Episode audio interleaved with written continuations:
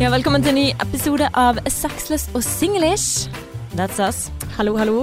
Ja, det er Ella som sitter på med det. Ella og Saker. Det er jeg Ja. som skulle ta den i dag. Ja, jeg tenkte det, siden eh, vi liksom bytter litt roller innimellom. Men overfor meg så sitter Martine Onsdag. Hello. Ja, og dette er en podkast om kjærlighet og dating og litt av hvert eh, andre ting. Og i dag så har vi med oss en gjest. Ja, det Så har vi. vi skal snakke litt om avstandsforhold og det å være åpen om kjærlighetslivet. Så det gleder jeg meg veldig til. Men eh, aller først, Martine, hvordan har du hatt det siden sist? Ah, ja, det har eh, Ja. Mye, mye rart. Um, hvordan har jeg hatt det siden sist? Åh, det er egentlig sykt mye uh, greier. Men uh, jeg skal prøve å holde det kort. Um, da vi var ute og løp på lørdag. Det var jo et helsike. For det var høydepunktet av min uke. du kødder. Nei, men Det var så fantastisk, det at du faktisk var med. Hvem er det som sier ja til å være med på en sånn eh, Ja, jeg skal jogge sånn to og en halv time på lørdag, er du med? Og så sier du ja, så vet jeg ja, selvfølgelig, så sier du ikke ja til det på lørdag, men du sender melding til meg, når skal vi løpe? Ja. Og så eh, sier du at dette har ikke jeg lyst til i det hele tatt, dette gjør jeg bare på grunn av deg. Og så tenker jeg yes, det er en god venn, altså. Ja, det var ikke for min egen del, for å si det sånn. Jeg fikk melding av mamma, og hun bare 'Hva er det du holder på med å løpe så lenge? Du må legge på deg, ikke av deg'. så, men eh, det var en eh, Det var eh, litt sånn voldtekt mot min egen eh, kropp, eh, følte jeg. Mm. Ja. Sorry. Nei, åh, Ja. la. Don't you go there. Ikke si unnskyld til ja, meg. men jeg får litt dårlig Ja, men det samvittighet. ikke det at jeg ikke For det har vi snakket om før. Når du sier sånne ting, så uh, Når du sier unnskyld, så får Mhm. jeg dårlig samvittighet over at du får dårlig samvittighet. Mhm. That's not the point here. Det er en ond Jeg tok et valg. Ja, Ja. Jeg tok et valg uh, om å være med, og det jeg står for. Jeg er veldig glad for det. Mm. Men det er jo bare det at uh, jeg var ikke forberedt i det hele tatt. Så lørdagen, jeg kan jo bare ta den, for det er en liten historie i seg sjøl. Men da skulle jeg på oppdrag for lokalavisen. Mhm. Eh, så jeg eh, tenkte på gud, hvordan skal jeg få skvise inn dette her. Visste de hadde øving fra ti til tre. Så hvis vi skulle ut og løpe i ellevetiden, så tenkte jeg kommer aldri til å rekke det etterpå. Eh, siden vi òg skulle planlegge livepod, som by the way er 19. februar. Så hvis ikke du har kjøpt billetter nå, gjør det. Eh, vi skal snakke om det å gå fra å være singel til å gå inn i et forhold, og hele denne prosessen der. Hvordan kommer du deg inn i det forholdet? Eh, så be there, ellers kommer du til å gå glipp av noe. Det kommer ikke til å bli tatt opp, nei, så du er nødt til å være der. 19. Mhm. februar. Mhm. Så da har jeg sagt det. Ja. Eh, men så da var jeg ute på Så da dro jeg da før, spurte jeg om vi kunne møtes klokken tolv Mhm. istedenfor elleve. Og så dro jeg ut dit, og så var det jo stress jeg Jeg tenkte nå skal jeg bare få alt inn i en eh, mølje, sant. Og Mm. vi skulle jo handle. Så jeg fikk med meg Adrian eh, ut på vestkanten. Og så hadde jeg dette her intervjuet med de her, og ble ferdig med det. Og så ringer jeg Adrian, for jeg tenker jeg skal møte ham på butikken. Dette er da ca. en halvtime seinere. 20 minutter. Um, og så tar han ikke telefonen, og jeg går inn på Obsen Uh, og leiter overalt. Går og henter meg liksom ting som jeg vil ha. Jeg har ikke med meg bankkortet, men jeg regner med jeg kommer til å finne han i løpet av den turen min inni der. Mm. Uh, ringer han og ringer han og ringer han eh, sikkert 20 ganger. Tar ikke den jævla telefonen. Jeg begynner å tenke sånn Har han glemt mobil hjemme? Mm. Og så sender du melding til meg. Du, er det innafor å eh, rope opp en eh, 36-åring på høyttaleranlegget når jeg ikke finner kjæresten min på Ja. kjøpesenteret? Og så tenker jeg ah, det er veldig gøy hvis du gjør det. Ja. Veldig glad for at jeg ikke gjorde det. Kommer tilbake til det. Så løper jeg bort på Meny eh, og går gjennom der og bare sånn Hvor i helsike er den drittmannen? Begynner nå å banne inni meg. Ganske steik forbanna, for jeg måtte jo da inne på Obsen legge tilbake alt som jeg hadde plukket, for jeg fikk jo ikke tak i han. jeg sto jo der som en idiot. Og de med kassen sa at jeg ikke de, jeg kunne betale med VIPS Som jeg venter nå på at ting skal komme i gang, så vi kan betale med VIPS Men det er veldig fint at du spør eh, Ja. den bak kassen Ja, kan jeg jeg- betale med VIPs. Ja, men jeg håpet hun skulle si ja, men jeg kan fikse det for deg, så bare vippsa du meg. Ja. For det har skjedd før. Men det Mm. skjedde ikke. Så uh, inne på Meny så tenker jeg bare sånn helsike, han kanskje han er og sitter i bil og venter på meg, for han, han må jo ha glemt mobilen siden han ikke tar telefonen. Mm. Uh, så da går jeg bare satser på at han er i første etasje, for han er jo lat, han tar jo det første parkeringen som han finner. Uh, og kommer ned der og ser etter han, finner han ikke. Og så snur jeg meg, bare sånn i brief a second, og ser til venstre og bare Der er bilen hans på andre siden av veien. Så jeg løper mot den bilen, eh, og så ser jeg jo inni at det er den, det er hans. Mhm. Eh, og noen meter borte så står han, og jeg vet du dundrer mot han og bare sånn dytter han og bare 'Hallo! Hvor i helsike har du vært? Jeg har ringt deg en million ganger.' Og han bare sånn 'Jeg har ikke Da sto han i telefonen, sånn. Så da har han vært eh, i telefonen på WhatsApp med en kompis, som da hørte meg, den psyko-kjæresten, som bare sånn På et eller annet annet språk som ikke han da skjønte var fra Nederland han snakket med. Um, så ja, det var hysteriske Martine Mhm. eh, 2.0. Mhm. Som eh, ja, kjeftet kjæresten min huden full, fordi han hadde da ikke hørt at jeg ringte. Siden han var i telefon, så hadde han da ikke lagd lyd om at jeg ringte. I don't know how that works. Mm. Så satt vi oss inn i bilen, da, og så var det dårlig stemning. Og så visste jeg jo at jeg skulle møte deg. Altså, det var bare sånn Jeg var ikke forberedt mentalt eller fysisk på den joggeturen. Det var som at liksom Det at jeg skulle løpe to mil, det var inni alt det andre jeg skulle gjøre den dagen. Mm. Skjønner du? Ja, det var Så det var sånn jeg bare eh, skviste det inn. Så jeg var Jeg tror jeg eh, overvurderte min egen sånn spontanitet, at jeg kan bare hive meg ut på to mil når Mm. jeg ikke har trent siden fuckings juni. Mm. Men det som gjorde det Ah. veldig fint for meg, da, var jo at du var jo ikke i veldig godt humør. Men Nei. jeg pleier ikke å være i godt humør når jeg er ute og løper, eh, for jeg pleier å løpe sammen med kjæresten min, og da pleier det ofte å ende i tårer. Men denne gangen så tok du den rollen, og da ble jeg liksom den der eh, yin og yang, da, den som løfter det opp og 'kom igjen, Martine, ja dette går litt til', og så følte jeg meg veldig bra, da. Så Ja, takk det, for det. Du sa du kom til å begynne å grine, du var ikke i nærheten engang. Du var jo sånn her eh, Happy go lucky. Ja, Ja, det, det var meg. Det var helt sykt irriterende. Åh, det var nydelig. Jeg har liksom aldri følt på den mestringen, så takk for ditt eh, litt sånn ja, smågrinete humør. Er det lov å si? Ja. Bare hyggelig. Mm. Og det skal vi da snakke om i neste episode. Vi har òg tatt opptak underveis på denne joggeturen. Så er det bare til å glede seg til eh, neste episode av Sexless og Singlish. Mm. Men nå, mine damer og herrer, nå har vi fått eh, en gjest inn i studio, så vi kan si velkommen til podkaster podcaster og psykolog Benjamin Silseth. Hei, hei, hei, hei. Velkommen! Takk, så hyggelig å være her. Ja, er- veldig hyggelig å ha deg her. Ja, det er veldig, veldig sånn klassisk, fordi eh, dette er jo i Bergen. Eh, og så tenkte jeg at eh, hver gang jeg kommer til Bergen, så har det stort sett vært ganske ok vær. Tenkte at det er det denne gangen også. Oh. Og så måtte jeg stå opp uh, halv fem i dag, for jeg skulle ta morgenflyet. For jeg er ikke en som drar uh, på kvelden før og er klar. Jeg tar morgenfly. Uh, og så så jeg på, eller sjekket jeg nyhetene, og da sto det 'meldt opp til 100 millimeter regn enkelte områder'. Og Bergen var et av de områdene hvor det skal regne veldig, veldig mye. Mhm. Så våt velkomst. Det, I dag har det regnet så inn i hampens så mye. Det er helt sykt når jeg syklet hjem fra jobb. Det var bare sånn Jeg bare bannet. Bare sånn, For er jo ikke sjans Altså, det, det, alt er vått. Ja. Ja. Ja, Jeg merker det ikke. Jeg tenker liksom ja ja, vanlig dag. Ja, men du eh, tar bussen, så du kjenner ikke så mye på det. Sant? Det er liksom bare inn og ut av bussen. Men hvis du skal sykle og sånne ting, kjenner Mhm. du det. Ja. Ja, og for oss som bor i Oslo, så er det uansett kjempemasse regn. Så, men det er godt å høre at du også ble litt sånn Det er mye. Ja. Det er mye regn. It's a lot. Ja, det er det. Men eh, ja, hvordan går det? Kjekt at du ville komme. Hvorfor ville du komme hit? Å, herregud. Ja. Det, var jeg som spurte. Altså, var, eh, det var, vi, vi var jo på eh, kvarteret her i Det heter kvarteret, ikke sant? Mm. Ja. Eh, og, og snakket på, foran studenter. Å, det var og. Ja, det var kjempehyggelig. Om kjærlighet og sex og, og hva nå enn skulle være. Og så snakket vi bare, så vidt jeg og Ella i ettertid, om at det var veldig hyggelig. Eh, og så lovte vi liksom å keep in touch da, hvis eh, jeg kom til Bergen igjen. Og så tenker jeg at en av de tingene jeg har lyst til å bli mye flinkere på, det er når man er sånn Du, vi skulle ikke tatt den kaffen snart, da? Mm, Og så er man ja. sånn Jo, jo, jo, det er kjempehyggelig, vi gjør det. Og så blir det på en måte ofte med det. Så da tenkte jeg at nå skal jeg prøve å være han som kanskje litt irriterende også følger opp på disse tingene. Du, det var nå gjorde jeg helt fantastisk. Altså, greiene, når jeg fikk den meldingen, så hadde jeg glemt litt hva det var snakk om.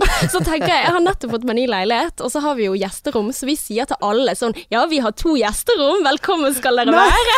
Så jeg tenkte først sånn OK, hva handler dette om? Snakket vi om å ta en kaffe, eller skal han sove hos oss? Du Eller trodde jeg ville bo hos deg? Ja, men det tok noen sekunder før jeg skjønte aha, selvfølgelig er det podkasten. Men eh, du hadde vært velkommen på eh, gjesterommet også, altså. Å, det er veldig hyggelig. Ja, heldigvis hotell. eh, så Ja, det, er luksus, altså. ja, det Mhm. er så deilig. Eh, og det, da hadde jeg følt meg veldig frempå hvis jeg hadde vært sånn Du, du, jeg har hørt at dere har et sånt nytt gjesterom og sånn. Kan ikke Ja, jeg få låne? Men, men, vet ikke, sant? for jeg glemmer hvem jeg sier sånn til. Og det er jo sånn typisk man sier, og så er det ingen som følger opp. Sant? Så da kan man liksom være den gjestfrie uten at eh, det er plagsomt. Nei da, jeg håper at alle som får tilbudet vil komme. Det er veldig hyggelig. Men, eh, men eh, veldig bra sånn verdi å ha, da, å faktisk følge opp. For jeg selv kan være sånn som hiver ut skal vi ta en kaffe, eller eh, Ja. ja, vi får finne på noen ting en dag. Ja. Og så, Det- så gjør man det du ikke. Bare, du klarer ikke det være. Det bare ligger der og ruller på tungen, og så bare sånn Ja, da er det gjort. Men det er jo veldig hyggelig når man gjør det. Ja da, det er det. Det er som trening. Mm. Eh, det er veldig godt etterpå, det da. Eh, det er veldig kjekt, det er veldig kjekt underveis. Ja. Sånn trening. Det er kjempehyggelig, og nå, men nå føler jo jeg at du har bare slengt ut sånn Si fra hvis du har lyst til å være med i podkasten en dag, og så kommer jeg bare sånn Du, jeg vil veldig gjerne være gjest, og så har du egentlig ikke ment det. Jo, jeg har ment det! Jeg lover! Og nå gjør du ellers så sykt utilpass. Ja, jeg kommer til å gå hjem og kverne på dette om igjen og om igjen og om igjen. Altså, det var liksom bare snakk om et lite halvt minutt, kanskje, hvor jeg liksom tvilte. Var det det, eller var det det? Og så tenkte jeg å jøss, vi har jo selvfølgelig en podkast. Og, eh, og det, det passer jo veldig bra at du Ja. er her, eh, Benjamin. Fordi at eh, du velger jo å være veldig åpen om eh, ditt forhold. Ja. Mm. Kan ikke du fortelle litt sånn kort hvordan det det Ja. står til i kjærligheten? Jo, altså det står jo ganske bra til i kjærligheten. Vi, jeg og Niklas, da, som er min forlovede, eh, vi holder jo på å planlegge dette bryllupet. Eh, og, og vi skal gifte oss nå i september. Vi har liksom oh Ja, ja, ja, det skjer så fort. Eh, Vi har liksom fått på plass dato, vi har fått på plass sted. Skal det i Oslo, for alle vennene våre er der, familie er der, eh, og sånne ting. Så vi er midt midt oppi det. Vi er jo da veldig homofile. Vi er et homofilt par. Superhomofil. og har gjort en veldig homofil ting. Mm. Og det er å skaffe oss en planlegger. Oho. Så vi har en bryllupsplanlegger. Oi. Hun er helt fantastisk. Eh, tar seg ikke det dyrt? Det hadde tenkt jeg òg. Jo, lite grann. Men hun, på en måte det man ikke vet om planleggere og sånt, da, det er at de er veldig flinke til å, å fikse ting. Være organisert og huske på hva alt man skal ha med seg. Ja, og de vet hvem man skal snakke med og sånt. Så eh, Natalie Lao, som er vår eh, planlegger, hun har for eksempel da klart å få ned prisen på maten. Som jeg hadde vært Ah. sånn Vi fikk et tilbud, og jeg var sånn Ja, ja, men det er bra tilbud, det tar vi. Hun bare eh, Nei, det er dårlig tilbud. Jeg fikser det. Halvert pris. Så hun Wow. tjener seg selv inn gradvis her, Ja. og det er helt gull. ja. Eh, så det er kjempedeilig med en planlegger. Det reduserer også mye stress mellom eh, meg og Niklas. Og det vi også liksom holder på med da frem mot dette bryllupet, for å forberede oss på ekteskap og si 'døden skiller dere av' osv., det er jo at vi, som dere, også har en eh, podkast. Hvor vi, eh, Bårli og Benjamin går i terapi, heter den. Ja. Hvor vi eh, snakker om alt dette eh, grumset som er i vårt forhold. Vi får alle til å lytte på, på, det da. er så bra. Men, eh, men eh, hver episode så har dere da en eh, kjendis som er psykolog, eller? Ja, vi har på en måte inn en, en kjendis som skal være vår parterapeut i hver Mm. episode. Mm. Eh, så den personen som er med der, da, den eh, får bryne seg på liksom det ene og det andre. Det er jo veldig mye mellom himmel og jord. Dere er jo i, i forhold begge to. Mm. Eh, så dere vet jo at da av og til så er det serious shit som man eh, krangler om, og Mm. av og til så er det liksom det lå en sokk på gulvet da jeg kom hjem. Mm. Så de får jo bryne seg på litt av hvert. Eh, og noen har jo mye erfaring med å være i forhold selv, mens andre kjendiser er jo evig single, sånn som alle andre kan være, Mm. og vet ikke så mye om hva det går i. Og det er ekstra gøy, syns jeg, da. Ja. Men blir ja. dere klokere på hverandre, så hjelper det? Altså, eh, det er litt gøy, fordi jeg leser veldig mye på Jodel og sånt. Eh, det er kanskje ikke lov å være liksom voksen og drive og lese på sånn sladresider og sånt. Å, jo men da. ja, det er lov. Jo. Bra. Takk. Takk, dere. Eh, men jeg gjør det, og der har jeg lest at eh, det høres ut som at eh, jeg lærer mye, og Niklas ikke lærer noe. Oi, såpass. Du tar til deg ting, men han bare. Ja, det er, Mm. noen, det er noen som føler det. Det er ikke jeg som har skrevet det, men jeg Ja, det Men hvor lenge har dere vært sammen nå? vi, har vært, eh, vi er på det niende året. Ja. ja. vi har vært forlovet i to, så det har begynt å balle på seg. ja. Eh, vi har liksom vært gjennom mange ulike faser i forholdet. Vi har jo på en måte Vi ble sammen, vi bodde sammen. Eh, vi har hatt avstandsforhold. Vi har vært eh, i litt i avstand igjen, holdt jeg på å si. Mm. Eh, jeg bodde i Oslo en periode, han bodde i Trondheim en periode. Eh, vi har eh, holdt på å slå opp fordi man har kranglet for mye. Vi har nå forlovet oss. Så Ja. vi, vi, det er mange bølger. bølger. men vet du hva? Thank God you're here. Ja. Fordi at uh, vi sitter jo uh, Når meg og kjæresten min krangler, da, så er det sånn Is there no end to this bullshit? For det er sånn Det man krangler om, er så jævlig lite viktig i denne verden. Og da er det bare sånn Kommer dette noen ting noensinne til å ta slutt? Ja, nei, jeg tror ikke det. Faktisk. Ah. Eh, og det, jeg tror kanskje at man kan klare å løse opp i ulike utfordringer sånn underveis. Eh, sånn hvis man har én hovedutfordring om at det er noen som alltid slenger fra seg klærne på gulvet. Mm. Legg merke til at det handler mye om klær på gulvet når jeg kommer med eksempler. Det er tatt fra min Ja, virkelighet. det er veldig dypt. Ja. Dype Men- issues her. Ja.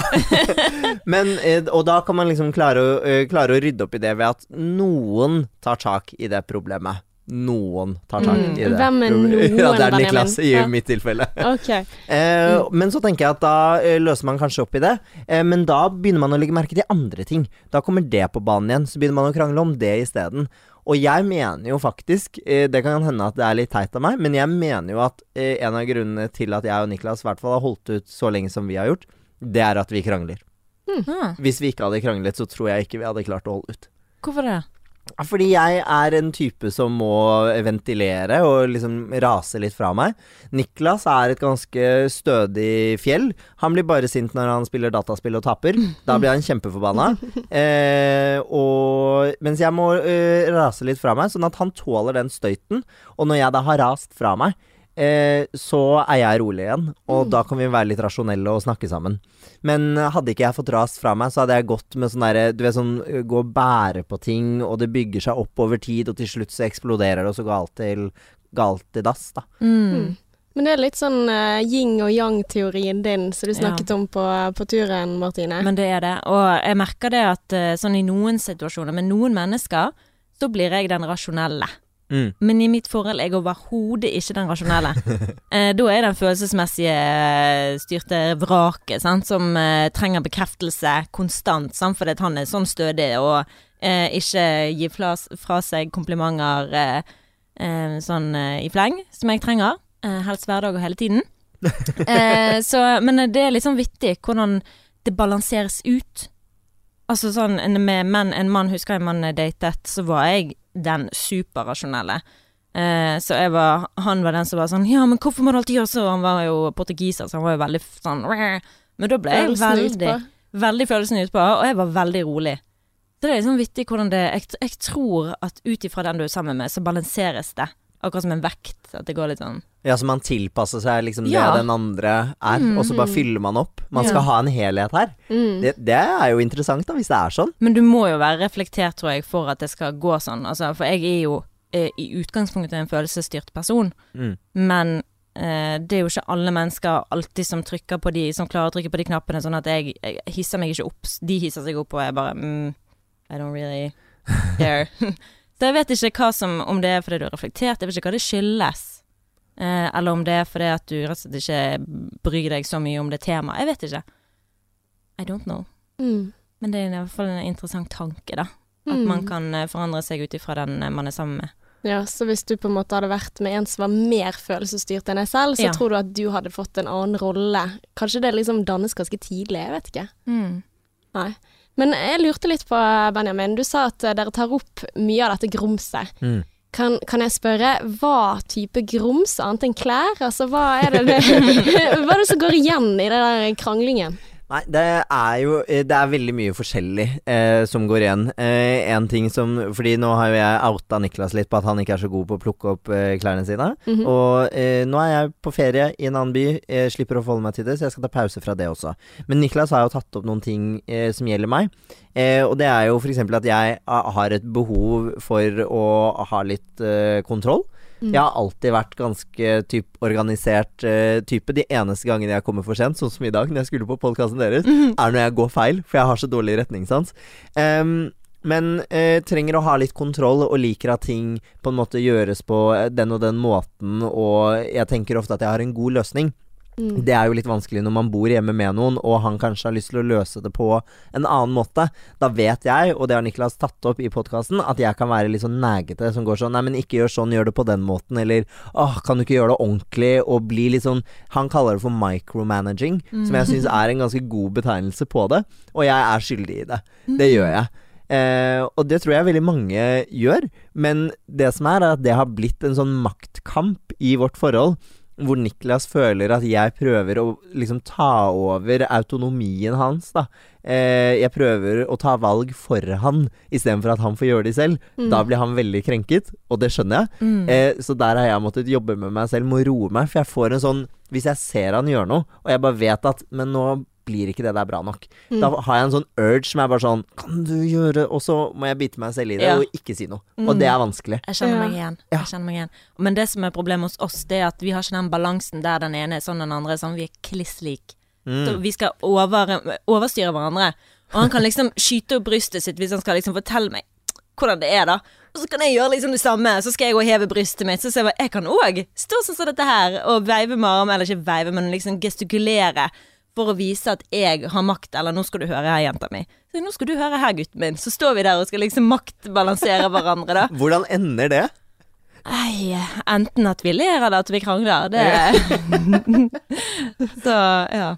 Jeg skjønner. Men ja, men det er noe vanskelig med den der sånn maktbalansen. Og Ja. jeg tror alle har på en eller annen måte litt lyst til å ha litt overtak i, i eget forhold. Mm. Og så tror jeg man har lyst på en god dose med frihet og Ja. autonomi og muligheten til å ta egne valg. Eh, og jeg skal nok innrømme at jeg kanskje ser på meg selv som et litt mer fornuftig og rasjonelt menneske uh, kontra Niklas. Sånn at jeg tenker ofte at jeg kanskje er bedre egnet til å ta gode valg for han. Mm. For det er liksom det jeg ser for meg når du sitter og sier at uh, jeg tenker at når han gjør noe, så nei, gjør det på denne måten. Ja, men det blir bedre hvis jeg bare gjør det, eller noe sånt. sant? Altså, jeg, jeg, jeg føler jo at jeg kanskje er den som ofte tar den, eller får den. At kan ikke du gjøre det litt mer sånn? Nei, kutt på den måten, ikke den måten. Men uh, Så jeg, jeg kjenner jo på en måte at åh, ja, men er det så nøye da, sant? Altså, hallo, slapp av. Altså, der, eh, den rollen tar jeg med, da. Så Ja, for det er jo det som er problemet. Som regel så er det jo ikke så nøye hvordan den agurken blir delt opp, eller hva det enn skal være man pirker på. Men man, ba man bare gjør Må. det. Det Må. er så dumt. Mm. Men For du er den som ofte får de beskjedene, på en måte? Eller sånn Eh, eller jeg er i hvert fall den som legger fra meg sokker og klær og, og sånne ting, da. Så, eh, men, men der har eh, kjæresten min en ganske god måte å løse det på, for han finner ut at ok, det hjelper ikke å nege. Så han er litt sånn morsom, som for eksempel at han liksom gjør meg til en robot, og så er det sånn 'Nå skal du inn', og så tar han armene mine, og så er det sånn 'Plukke opp den, plukke opp den', og så tar han meg rundt i stuen, sant. Og så blir det litt sånn morsom måte å gjøre det på, så da Men allikevel, det er jo av og til det koker litt, da. Fordi at eh, Altså, for det dere ikke ser Ja. ja, dere som eh, pirker på andre, er jo at dere gjør jo det samme selv. Hva gjør vi? Hiver fra dere ting, altså steder eh, Jo, dere gjør det. Dere roter like mye, men dere bryr dere ikke om deres eget rot. Dere bare ser mitt. Ja. Ja, men hvis Ja. det er jeg som har ansvar for å rydde, som det er i min kasse, da eh, er det greit med mitt rot, men ikke med hans rot. Sant? Så Ja. hvis han eh, hadde ryddet og eh, Altså, det som, er verre, det som jeg syns er verre enn eh, bare sokkene på gulvet, det er vrengte sokker på gulvet. Altså når du da skal vaske, og de alltid er vrengt, så er det sånn Jeg har null interesse av å ta inni sokken for å vrenge den tilbake. Men hvorfor er det så nøye, for dette får jeg kjeft for hele tiden. Ta trusene ut av eh, strømpebuksen. Så tenker jeg, men du skal jo vaske både trusene og strømpebuksen. Hvorfor ta de ut av hverandre? Hallo!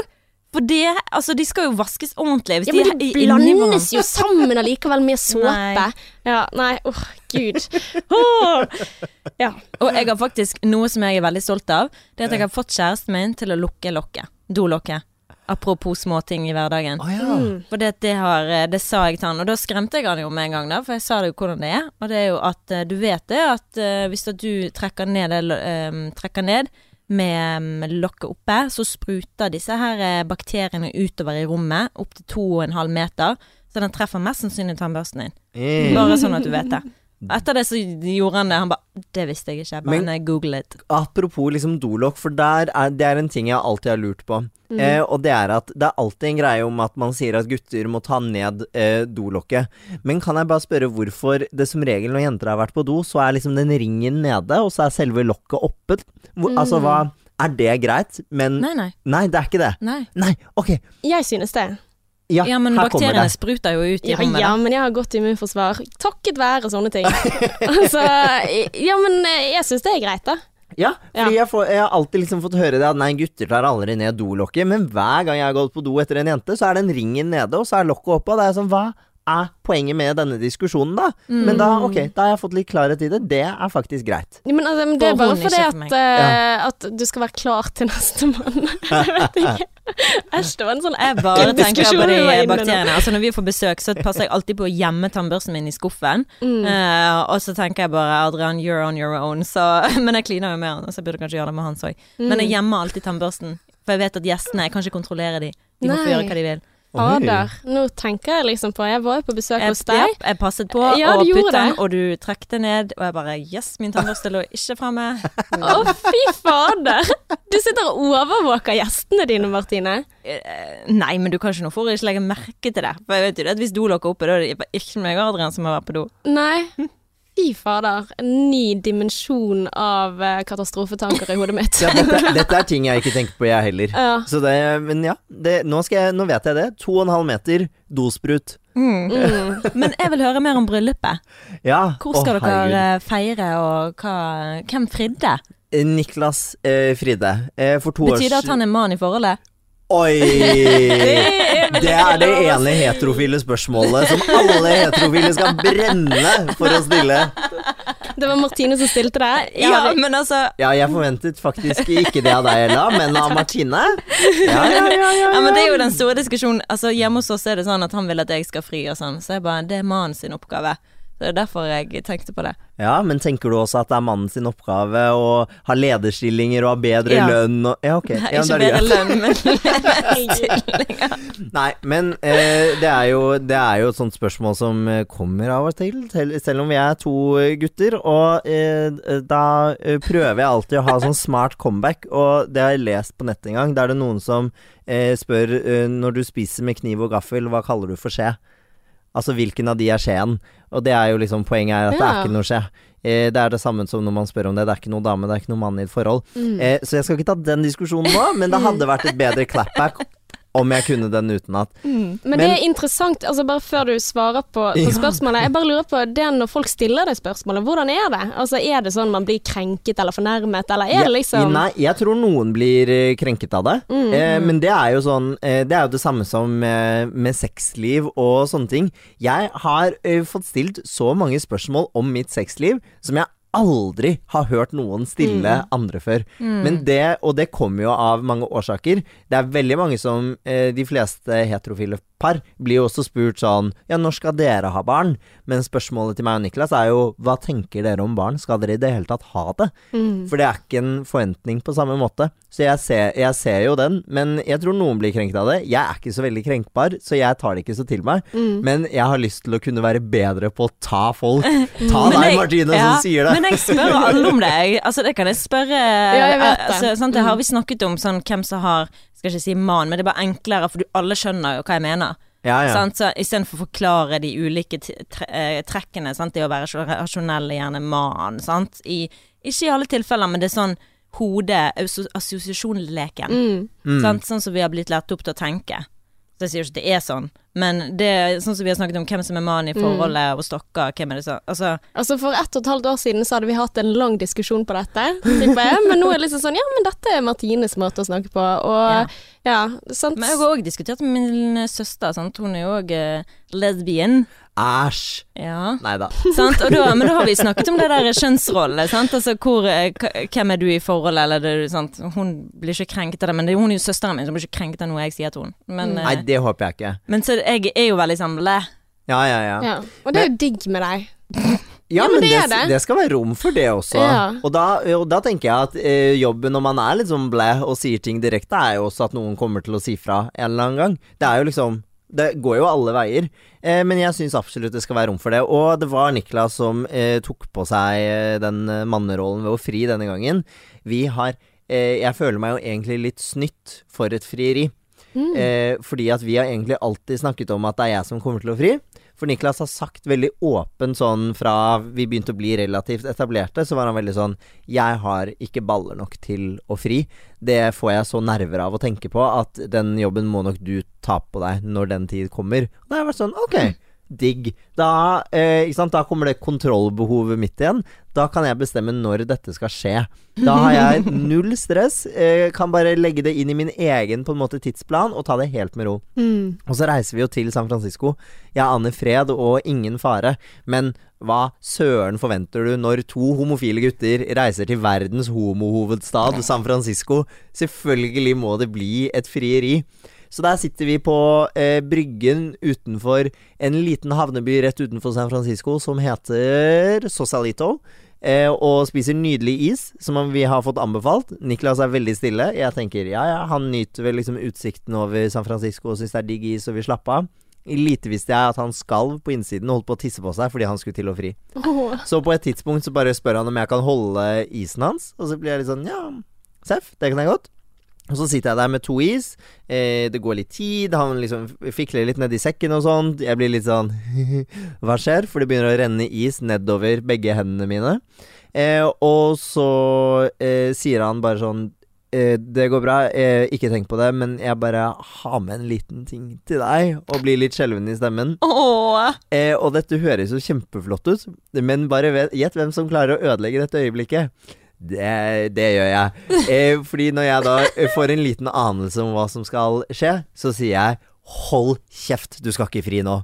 Oh, Og så bare, jo, og så sitter han der med begge hendene nedi sekken, eh, snur seg mot meg, og jeg har aldri sett Niklas så et eller annet i blikket. Men det var et veldig sånn fandenivoldsk uttrykk, hvor han bare sånn Nå må du slappe av, jeg skal fri.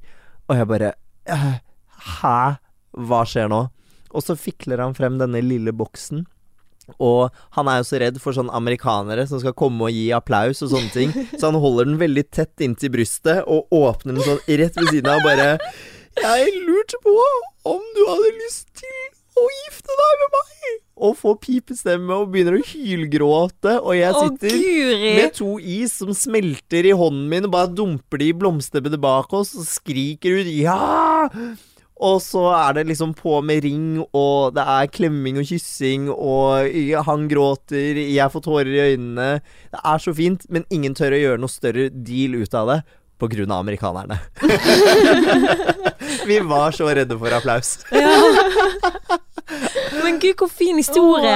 Når var dette? Dette var eh, i, for to år siden nå. Ja. Ja, da dro vi rett etter sommeren i oktober, så dro vi til eh, San Francisco. Ett og et halvt år siden er det. Men tenk da at han kan være så nervøs selv om dere har vært sammen så lenge, at det der, den greien med å fri er Ja. jo så stor, sant? At du blir nervøs selv om du har vært sammen i 18 år. Ja, ja, ja. Så blir du bare helt sånn. Han visste ikke hvor han skulle gjøre av seg, og det skjønner jeg godt, fordi han har jo gått og båret på det her i flere dager. Da hadde vi vært på ferie i fem-seks dager allerede. Og jeg ante virkelig ingenting om det. Eh, men det, han hadde vært på TV-innspilling og vært med på 71 grader nord. Eh, der ble han og Thomas Alsgaard, tidligere skilegenden, eh, veldig gode venner. Eh, og så begynte de liksom å snakke sammen om forhold og sånne ting når de lå i en sånn De lå i et telt over en isbre og noe greier. Wow. Der ligger de og prater om forhold, da. Eh, og Thomas har jo en fantastisk dame og, og, og i det hele tatt.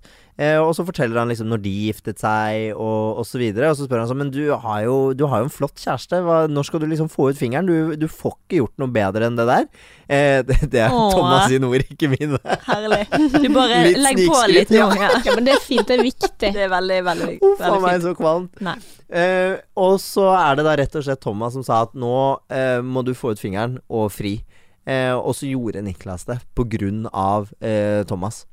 Så det er veldig, veldig hyggelig. Ja. Ja. Så vi fikk eh, Det visste jeg heller ikke noe om, men vi fikk også med en flaske champagne som Thomas hadde kjøpt til Niklas, og sagt at denne tar du med deg på ferien, og så popper dere den når du har fridd. Bare som en sånn liten ekstra sånn eh, Hva heter det? Sånn, Motivasjonskraft, på en måte. ja, for for å gjøre det. Og det hjalp jo, da. Mm, Ja. Så det er, det er, det er den historien. Eh, så det er jo dårlig gjort å liksom i forkant av dette melde at jeg føler meg litt snytt for det frieriet, for dette er jo veldig, veldig hyggelig. Ja. Men Mm. igjen, jeg trengte alltid at det skulle være meg, så jeg ble litt Mm. sånn Etter dette så ble jeg litt sånn Herregud, dette Nå skal ikke jeg fri, da. Ja. Han bare eh, Nei, nå, nå har jo jeg gjort det. Jeg bare Ja.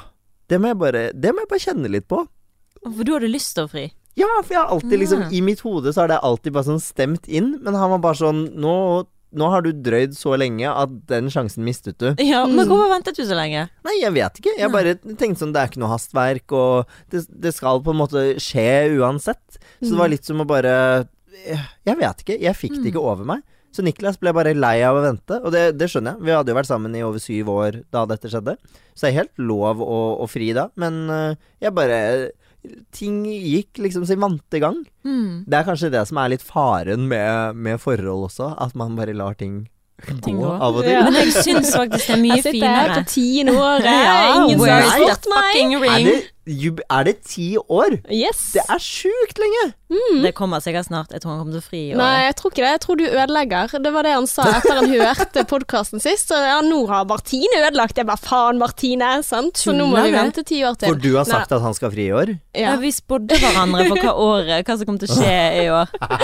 Nei da. Han tror- hører på hver episode, altså. Ja, ja, ja. Ja, det gjør ikke han. ja, men jeg tror ikke han kommer til å fri i år, jeg. jeg Nei. tror, nei, ikke i det hele tatt. Jeg prøver bare å No. Nei, men, men sånn er det også. Men det, det er jo det som er så fint med denne podkasten, at det kommer plutselig ting ut som jeg ikke visste. Sånn som før så har jeg tenkt sånn ah, ikke så viktig å gifte seg. Og så hadde vi en episode hvor jeg sa sånn ja, det hadde jo vært litt hyggelig. Han bare du rocker med alt jeg trodde om deg, sant. Altså, du sa Oi. jo at du ikke ville, Sa faen! Kristoffer det? Ja. Oh, ja. Nei, så Men jeg syns det er mye mer spesielt å fri når man har vært sammen så lenge som det dere har. For da betyr det så mye mer. For det, i starten så er jo alt fint og lovey-dovey, men etter mange år der man har liksom jobbet seg gjennom de tunge greiene, og fremdeles ville ha den kjærlighetserklæringen overfor den man er sammen med, Mm. det syns jeg er helt nydelig. Det er liksom en ny bekreftelse, akkurat som en ny start. Å, det, det var fint sagt. Ja, for derfor derfor jeg syns det er så Ja. Ja, mm. jeg er enig. Jeg tenker også litt på det som det, for jeg tror på en måte ikke det å gifte seg er sånn megaviktig for, for min egen del, men jeg er litt sånn veldig glad i feiringen av kjærlighet, og Mm. liksom dra med masse gode venner og familie inn i det, og bare ha det Ha en veldig gøy fest, da, som på en måte Det er vårt mål Mm. med, med bryllupet, i hvert fall. At den biten liker jeg. Men jeg er enig i at når det har gått mange år, da kjennes det kanskje litt ut som det veier litt tyngre òg. Og det er som Niklas sa, at jeg hadde tenkt på det på forhånd, at hvis du, når jeg fridde, eller da jeg fridde, eh, hvis du da hadde sagt eh, nei, eh, det, er, det må vi nok vente litt med, da hadde, jeg, da hadde jeg gjort det slutt. Mm. Eh, da hadde det nei-et vært på en måte finito. Oh, ja. Eh, fordi nå har det gått så lang tid at det er now or never. Og da var jeg sånn Jøss. Det, eh, det falt meg jo aldri inn å si nei, men tenk om jeg Mm. bare hadde vært sånn Nei, faen, jeg ville fri, og det er for tidlig, og Så hadde han Mm. bare vært sånn Nei, da skal ikke vi være sammen. ja. Så nå Kanskje jeg skremmer kjæresten din eh, litt igjen nå? Men, Nei, men eh, Ja, nei, det, altså, jeg har ikke kan forstå den, Jeg kan forstå den tankegangen. ja. ja, ja, ja, absolutt. Men det, det bare Det er liksom det å gjøre det eksplisitt, da. Det er litt sånn wow. Ja, for det er jo sånn i eh, romantiske komedier og sånn, sant. Sa du nei til å gifte deg, da er det slutt. Men at det faktisk er sånn. Ja, men det er jo sånn hvis noen sier til deg 'vil du gifte deg med meg', og du sier Nei, kanskje vi venter litt, da. Det er jo litt sånn Mm. Er det reaksjonen din? What the fuck? Sånn, Hvis det er din sånn initiate, eller sånn intuitive Mm. reaksjon, da er det jo noe som er hakkende gale. Ja. Ja. Jeg skjønner hva du mener, jo- men altså der og da, hvis noen frir til deg, og det er personen du elsker, og har lyst til å, å gifte deg med, Mm. så sier jo ikke du sånn Nei. Sant? Altså, for det er jo en sånn stor greie at hele følelsesregisteret ditt går jo i 100 000. Mm. Og da vet jo du hva du føler om det. Ja, og da ja, ja. blir du bare sånn ja, ja, herregud, ja. For Ja. at hvis det er den eh, reaksjonen, sant. Mm. Hvis du bare sånn nei. Men jeg så skjønner jo jeg at han hadde bare sånn ok. Men likevel så går jo litt sånn følelseslivet litt opp og ned, og det er jo ikke alltid man er på samme bølgelengde i løpet av et veldig langvarig forhold. Da. Altså, det er jo sikkert noen perioder den ene litt mer- mer på, og den andre Mm. litt mer kjølig, og kanskje det er forskjellige ting som skjer i løpet av eh, ja, som tiden går. Så det er jo liksom treffe riktig timing da, for begge to. Altså, du skal jo da faktisk være ganske sikker Ja. hvis du spør, da, Mm. tenker jeg. Mm. Ja, det er sant. Ja. Det er noe men, Ja, fordi For hvis ikke så kan jo du gi dem en sånn gratis ja, ja, out, på en måte. Å ja, nå går det litt sånn trøtt, og så tør jeg ikke helt gjøre det slutt, men så, så, hvis jeg frir nå, så kanskje de sier nei, og så har man den der eh, utveien. Mm. Ja, det er noe med det, fordi man kan faktisk velge helt feil tidspunkt å ta det, ta det steget på. Jeg vet jo i mitt nå eh, på niende året langvarige forhold, da, så er det flere, på en måte ikke mange, men det er noen punkter der hvor jeg tenker at hadde en av oss fridd der, så hadde det nok ikke blitt et ja. Fordi Mm. man har vanskelige tider. Altså, forhold er det mest eh, slitsomme jeg har holdt på med i hele mitt liv. Det er så mye som skal til for å få det til å funke, at Mm. jeg tror veldig mange glemmer det. Den derre 'gresset er grønnere' og la, la, la, la, la. Det tenker man i ti minutter, og så skjønner du at faen, her må jeg vanne og klippe og gjødsle og hele pakka her også. Det er så mye som skal til at da er det helt naturlig å ha de der bunnpunktene da, som du snakker om. At det går litt ned, og så går det opp igjen. Men så lenge du har stort sett høydere, så Mm. er, det jo, er det jo et forhold verdt å ta vare på. Men er du Mm. veldig lenge nede i, ned i grumsen og ikke kommer ut av det, så må man i hvert fall begynne å ta tak, da. Mm. Men jeg er helt enig. Det, man kan rett og slett bomme litt på timingen. Og hva gjør Men man hvis, da? Ja, og hvis et nei betyr nå er det slutt, Ja. det er, liksom det, det er jo dritskummelt. For da kunne jo det hende at hvis det var et annet tidspunkt, så kanskje det hadde vært slutt bare pga. et teit spørsmål. Mhm. Mm. Det er kjempeskummelt å tenke på. Mm. Men det er jo, eh, livet er jo ekstremt eh, tilfeldig, og alt er jo timing osv. osv. Ja. osv. Så det er sikkert, man kan sikkert tenke på det der i 400 år, og jeg er en som eh, tenker veldig mye. Mm. Altså ikke på sånne store ting eller noe intellektuelt, men jeg overtenker veldig ting. Det kan være hva skal jeg ha til middag i kveld? Det kan være når er det feil tidspunkt å fri på? Ja, ja. Hva hadde skjedd hvis at det dersom at det, og så videre. Så den rekka der, den kan gå ganske langt etter det, Dette har jeg ikke tenkt på før, Ella. Nei, Men det, eh, nå tror jeg det ble men det var sånn du som fikk den tanken i mitt hode. Ja. Samarbeid. Men nå begynte jeg òg å tenke. For det, det som du fikk meg til å tenke nå, det var sånn Oi. Ja, for vet du hva, altså i forhold til det å være sammen lenge, da. Eh, for det, man har jo en sånn romantisk tanke om at eh, hvis det er det rette, så faller alt på plass, og alt liksom går seg til, og man blir liksom i harmoni med hverandre. Men that's not fucking true. Og det er sånn i vårt forhold så har jo han da vært singel veldig, veldig mange år, og vært vant til det. Og det er klart det tar tid for han å tilpasse seg et annet menneske. Og ikke minst å bo med et annet menneske, og ikke minst å pusse opp med et annet menneske. Mm. Eh, som han overhodet ikke kjenner fra før av, eh, bortsett fra avstandsforhold. Så altså når jeg tenker sånn hm, ja, altså det er jo klart det tar tid, selv om man har følelser der, så har man jo sine egne følelser som man har kjent på i så og så lenge. Sant? Så hvis man er da sta eller vant til å få seg det på sin egen måte, klart at det kommer ikke til å endre seg bare fordi du elsker noen. Det tar tid å tilpasse seg hverandre og bli kjent med hverandre og vite hvordan den fungerer til at, ja. Den bare fikk den sånn, oi, det var den, eh, ja. Den fikk jeg nå, ja. Vi fikk, Så måtte alle, bare si det. vi ja. fikk alle liksom hver vår åpenbaring Ja, her, så bare ja. hva skjer nå? Ja. Fint. Men en ting jeg lurer på, for vi Ja. har snakket veldig mye om det der å finne den rette. Hvordan vet du at dette her er det å satse på?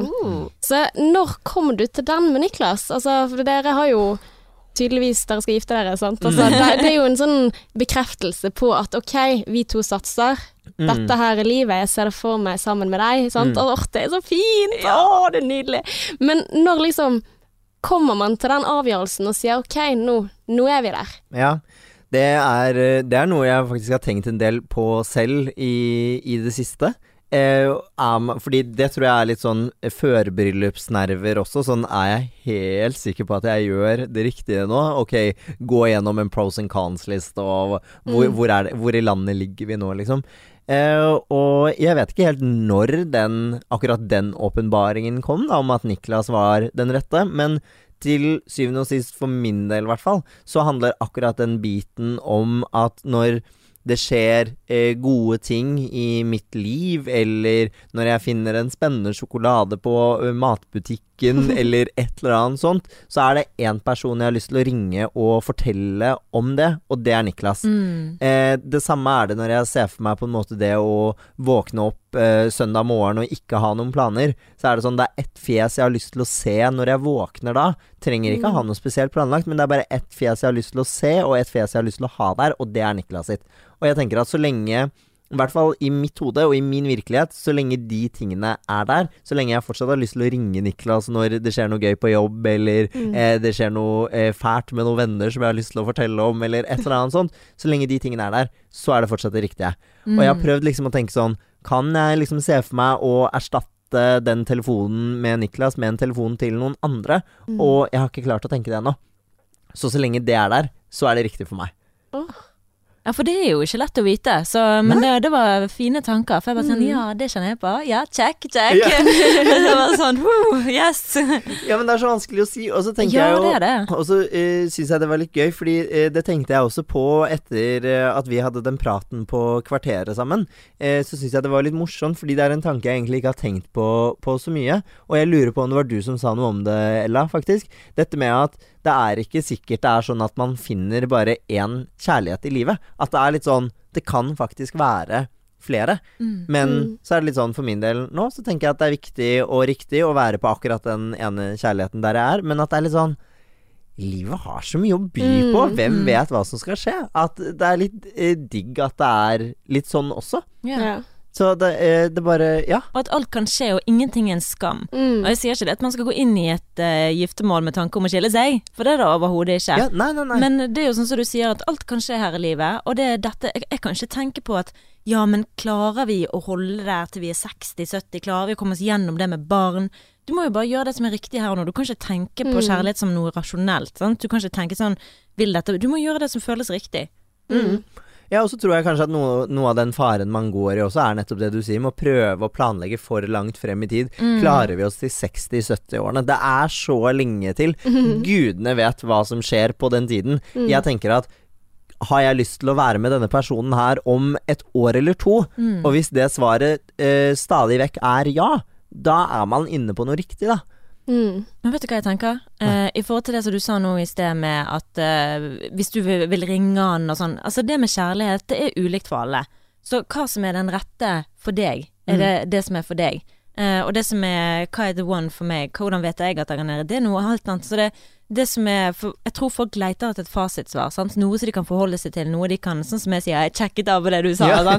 Men det er jo gjerne annerledes for meg enn det er for deg, og annerledes for deg enn det er for oss. Altså det, det er jo bare sånn det er. Mm. Eh, Jeg tenker jo, har jo helt inn sagt at så lenge den personen er noen jeg ser opp til eller beundrer, sånn som jeg gjør med kjæresten Hvis jeg setter han ut på gulvet, liker jeg verdien hans, liker jeg den personen han er, så føler jeg liksom at da er jeg eh, Da har jeg sjekket av min eh, på en måte Ja, jeg Mm. beundrer han. Det er ikke liksom blind At han ikke er en god person for meg, sant. Mm. Så, Men jeg tenker jo begge de tingene er jo ganske sånn universelle. Altså, vi ønsker jo å være sammen med en person som får oss til å føle oss glad, som eh, får oss til å ville fortelle om dagen vår til, eller som vi respekterer, som har bra verdier. Altså noen, selv om eh, verdiene, altså det kan være forskjellig fra meg og deg, da, hva vi respekterer eller hva vi liker. Men eh, ja, jeg tenkte litt på det du sa da, at eh, det var kanskje et dårlig spørsmål fra min side, det å spørre om den rette, i og med at jeg ikke tror på at det er en som er riktig, men altså, da mener jeg riktig nok for deg, da. For at, eh, vi står jo litt i en sånn der eh, alder hvor det føles ut som at det er nå eller aldri, og mm. viktig å liksom stoppe opp og tenke at det er jo på en måte ikke så Ja, det er ikke nå eller aldri, det er liksom her og nå, da, vi lever, og ta valg basert på det, da. mm, Ja. definitivt. Og det tror jeg man trenger så mye trening i. Litt sånn der her og nå-leving. Mm. Jeg lever altfor mye liksom i fremtiden for å Mm. prøve å planlegge og være For å få oversikt. Ja, og det er den derre kontrollbiten i meg igjen. Og da til alle som kjenner seg igjen i det, være seg mann eller eh, kvinne eller alle kjønn, Mhm. eh, så eh, finn noen som ikke er så avhengig av å leve i fremtiden. Finn noen som er opptatt av å leve i nuet. For det eh, er Niklas veldig opptatt av. Det har jeg dratt så mye nytte av selv. Mm. Det, tre det inputet trenger jeg. Jeg trenger å slappe av litt. Ja. Det kjente jeg nå. ja. Ja, Ja, men nå, nå er vi skikkelig spent altså, til, eh, til både bryllup og fremtid og nåtid og hele pakken. Ja, det, det er jeg også. Ja. Det er absolutt. Mm. Men en ting som vi ikke har spurt om, altså dere har jo denne podkasten hvor dere er veldig åpen om eh, kjærlighetens eh, oppturer og nedturer, og mest nedturer i og med at det er snakk om sånn parterapeutisk tilnærming. Mm. Eh, hvordan blir det, altså hvordan er det for dere da, at alle skal vite ting om begge to i forholdet? Altså, Du, eh, det er litt rart. Det er det. Eh, fordi det, det er jo kollegaer som hører på på jobb og sånne ting. Så er, man får jo plutselig litt spørsmål i lunsjen som ikke er så, man ikke er så vant til. mm. Eller noen kommentarer om at ja, for Benjamin, du er jo litt sånn og Eh, og jeg opplever det som, for det første, rart, som sagt, eh, men jeg opplever det også som veldig fint. Eh, fordi jeg syns det er litt gøy å kunne, kunne snakke om. Mm. Og jeg er litt sånn Jeg er jo veldig for åpenhet, men ikke åpenhet for enhver pris. Så vi velger jo litt ut hva det er vi tar opp også. Vi tar jo ikke opp det verste av det verste, og det, ting som vi ikke er komfortable med å, å prate om. Vi har jo også våre grenser. Men jeg tenker at mye av det vi, vi snakker om, og mye av det vi kjenner på, er det mange andre som også kjenner på.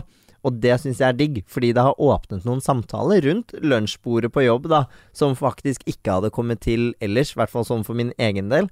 Så det er litt deilig å utfordre og pushe på egne grenser når det kommer til akkurat det.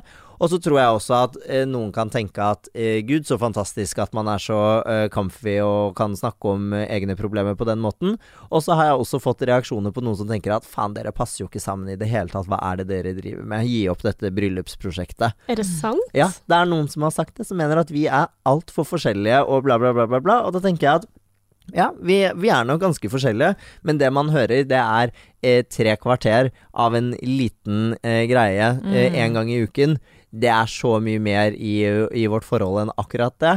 Og vi går jo inn med det med et lite glimt i øyet og skal ha litt humor på disse problemene, for noen ting er tulleting. Mm. Den sokken på gulvet er en tulleting, men jeg syns det er viktig nok til at jeg må ta det opp. Så Mm. ikke bare tull.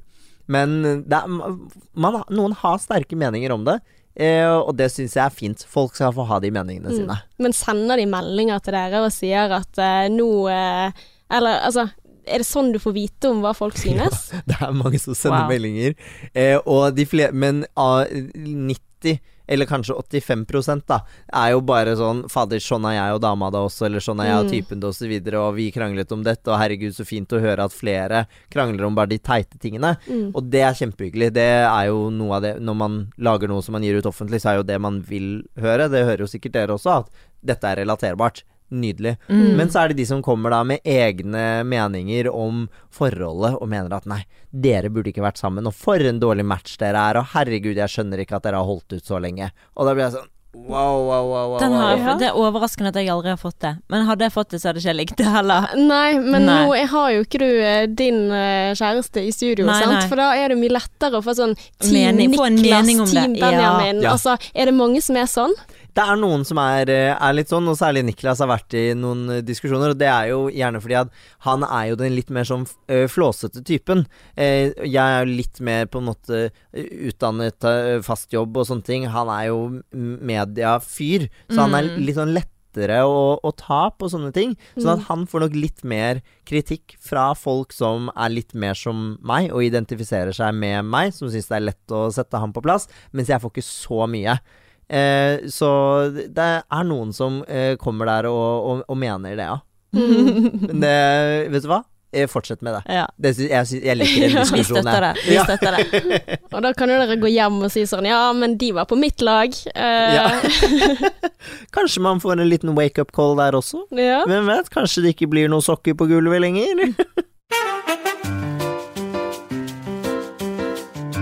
All right, da er det på tide å runde av. Ja. Eh, tusen takk, eh, Benjamin Silseth, som har vært med i podkasten i dag. Lært mye om eh, krangling og åpenhet og Jeg elsker at jeg har fått åpenbaringer. Det føles veldig deilig. Jeg føler meg mye lettere. Ja, så bra. Det var veldig hyggelig å, å være her. Jeg fikk jo min egen lille åpenbaring, så jeg syns det er digg å bare At dere to bare sitter her og jazzer og har det så hyggelig om disse temaene, da. For jeg, det- jeg syns det er veldig, veldig gøy. Så jeg tror jaggu jeg lærte litt, jeg også. Ja. Det er fint at vi liksom alle har hatt en åpenbaring, og så er jeg bare så spent på å høre på det i ettertid. Hang det sammen? sant? Var det egentlig sånn at vi satt alle i hver vår verden og tenkte aha, det var lurt det jeg tenkte der. Så, men utrolig hyggelig, og du er velkommen igjen. Ja. Kom neste gang du er i Bergen. Det gjør jeg med glede. Ja. Altså nå, eh, det, Dere må egentlig ikke si det, fordi at jeg kommer til å følge opp på det, og så skal jeg, Nei, tilba ja, det jeg skal tilbake i- til Bergen i, i februar. Å ja, det, det var litt nærme. Ja, det, det Men det er bra når du sagt det. Ja. Det er litt nærme. Det er bra. Men uh, veldig, veldig kjekt, og lykke til med bryllup og Ja. Så nå må jo alle gå inn og, og like og følge podden, podden til deg og Niklas. Ja, det er Ja. hyggelig. Hva heter den igjen? Bårli og Benjamin går i terapi, ikke sant? Jeg følger ikke med selv. Men ja, takk. Eh, Lykke til med bryllup. Det trenger vi. Garantert. Eh, Planlegger eller ei. Det er mye styr. Så det er bare å glede seg til det er deres tur. Da Ja. skal jeg stå på sidelinjen og klappe, klappe dere i mål. Men, men hvor mye styr? Det må jeg bare få svar på. Det kommer litt an på hva du har lyst til å gjøre ut av det, men for oss som bare har lyst på en stor fest, mm. jeg tenkte det er chill. Det er ikke noe styr. Det er styr. Ja. Ja. For dere skal ikke ha noen duer som tar eh, ringene eller et eller annet sånt eh, fancy shit? Og ringene.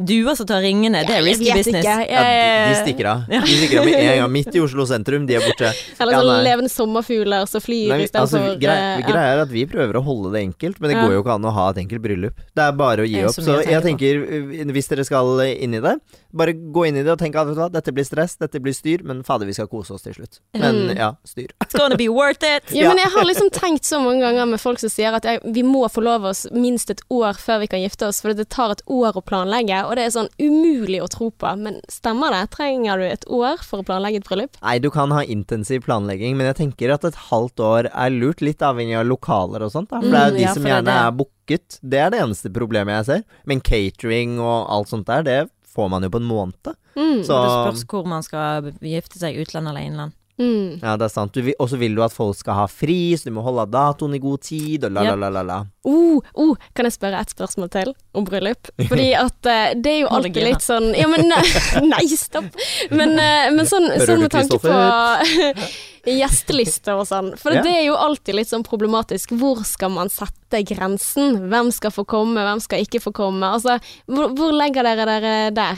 Vi har prøvd å innskrenke det ganske, ganske godt. Eh, det er sabla vanskelig. Fordi Ja. med en gang du tenker at ok, men vi inviterer uh, han også, da, så er det sånn ja, men da må vi invitere la-la-la. Ja, la-la-la. Det er I et dominospill. Mm. Så vi har, vært, vi har vært ganske strenge og tatt eh, liksom de nærmeste vennene som vi henger mye med og tilbringer mye tid med og sånt, og familie selvfølgelig.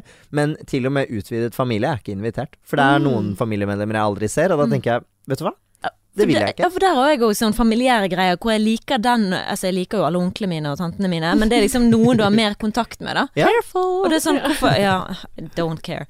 Uh, men uh, da, da tenker jeg sånn, skal jeg invitere de bare fordi jeg vil ha han fra den siden og hun fra den siden? Det er kjempevanskelig. Ja. Men jeg tenker man må rett og slett være litt sånn uh, cutthroat, eh, som man sier, og bare It's eh, your uh, wedding. Ja, det er, og det er det, det enda en god ting med å ha planlegger. Hun minner deg på det hele tiden. Eller han, da, hvis det er Mm. han. Eh, men sier ifra om at vet du hva, dette er deres dag. Hvis dere har lyst til å invitere eh, hun, men ikke han, så gjør dere det. Ferdig Ja. snakka. Og da er jeg sånn, ja, men er det greit?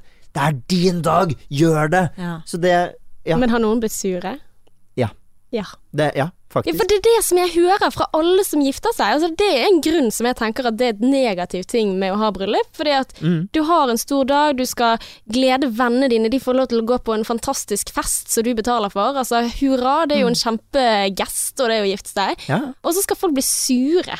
Ja, for å ikke bli invitert. Ja, Og og, det er så sårt, og det er liksom sånn rangering av venner og hjelp. Altså, Ja, men det har jeg ikke noe problem med å stå i, for da tenker jeg at hadde du lyst til å være en bedre venn og komme tettere inn på meg, da skulle du ha tatt kontakt og sagt det, og tatt litt inch, for det kan ikke jeg vite. Eh, så hvis du er sur for at du ikke får komme i bryllupet når andre får komme, ja det er din greie, ass. Dette er min dag! Ja. Min dag! Yes. ah, nei, men det, det var fint å få svar på det. Det var en god, god avslutning. Ja, det var takk. godt å få sagt. Jeg får litt sånn eh, ja, engasjement på slutten der. Men eh, takk skal du ha, Benjamin. Vi eh, høres igjen, skal høre på podkasten. Og ja, vi høres igjen om en uke, Martine. Det gjør vi. Gleder oss til det. Ja, og da har vi en del lytterspørsmål som står for tur. Eh, vi skal snakke om blant annet dette her å være i eh, en eh, datingrelasjon og ha følelsene sine et annet sted. What to do. Oh. Så dette her eh, gleder jeg meg til å eh, dukke inn i, for det er faktisk ikke et enkelt svar, selv om det kanskje høres sånn i min lille tis. Ja, og hvis du har lyst til å følge oss i mellomtiden, så går du inn på eh, Instagrammen vår. Det heter vi Sexless Singlish. Og så må du gjerne gi oss ratings på iTunes. Det blir vi ekstremt glad for. Ikke gi oss tilbakemeldinger der, please. Bare gi det til, i sånn innboksen på Insta. Mm, Eh, bare bra. Bare bra tilbakemeldinger på iTunes. Hvis du liker å høre på oss, så setter vi umåtelig stor pris på kommentar. Vi leser alle. Mm, og ikke nok med det, livepod, vi sier det igjen, 19. februar klokken 9 på Lille Ole Bull scene. Vi er avhengig av at folk eh, kommer, for hvis Ja. ikke så må vi betale. Ja, Ja. sant? Så please do come. Mhm. På alle mulige måter. Er Målet er at uh, vi får inn mer enn teknikeren. Ja. Eller bare 'kom heller, så kom'. Nei, men uh, vi håper du har lyst til å komme. Det blir en magisk kveld. Ja. Uh, og inntil next time, Ella Bella. Ah, XOXO.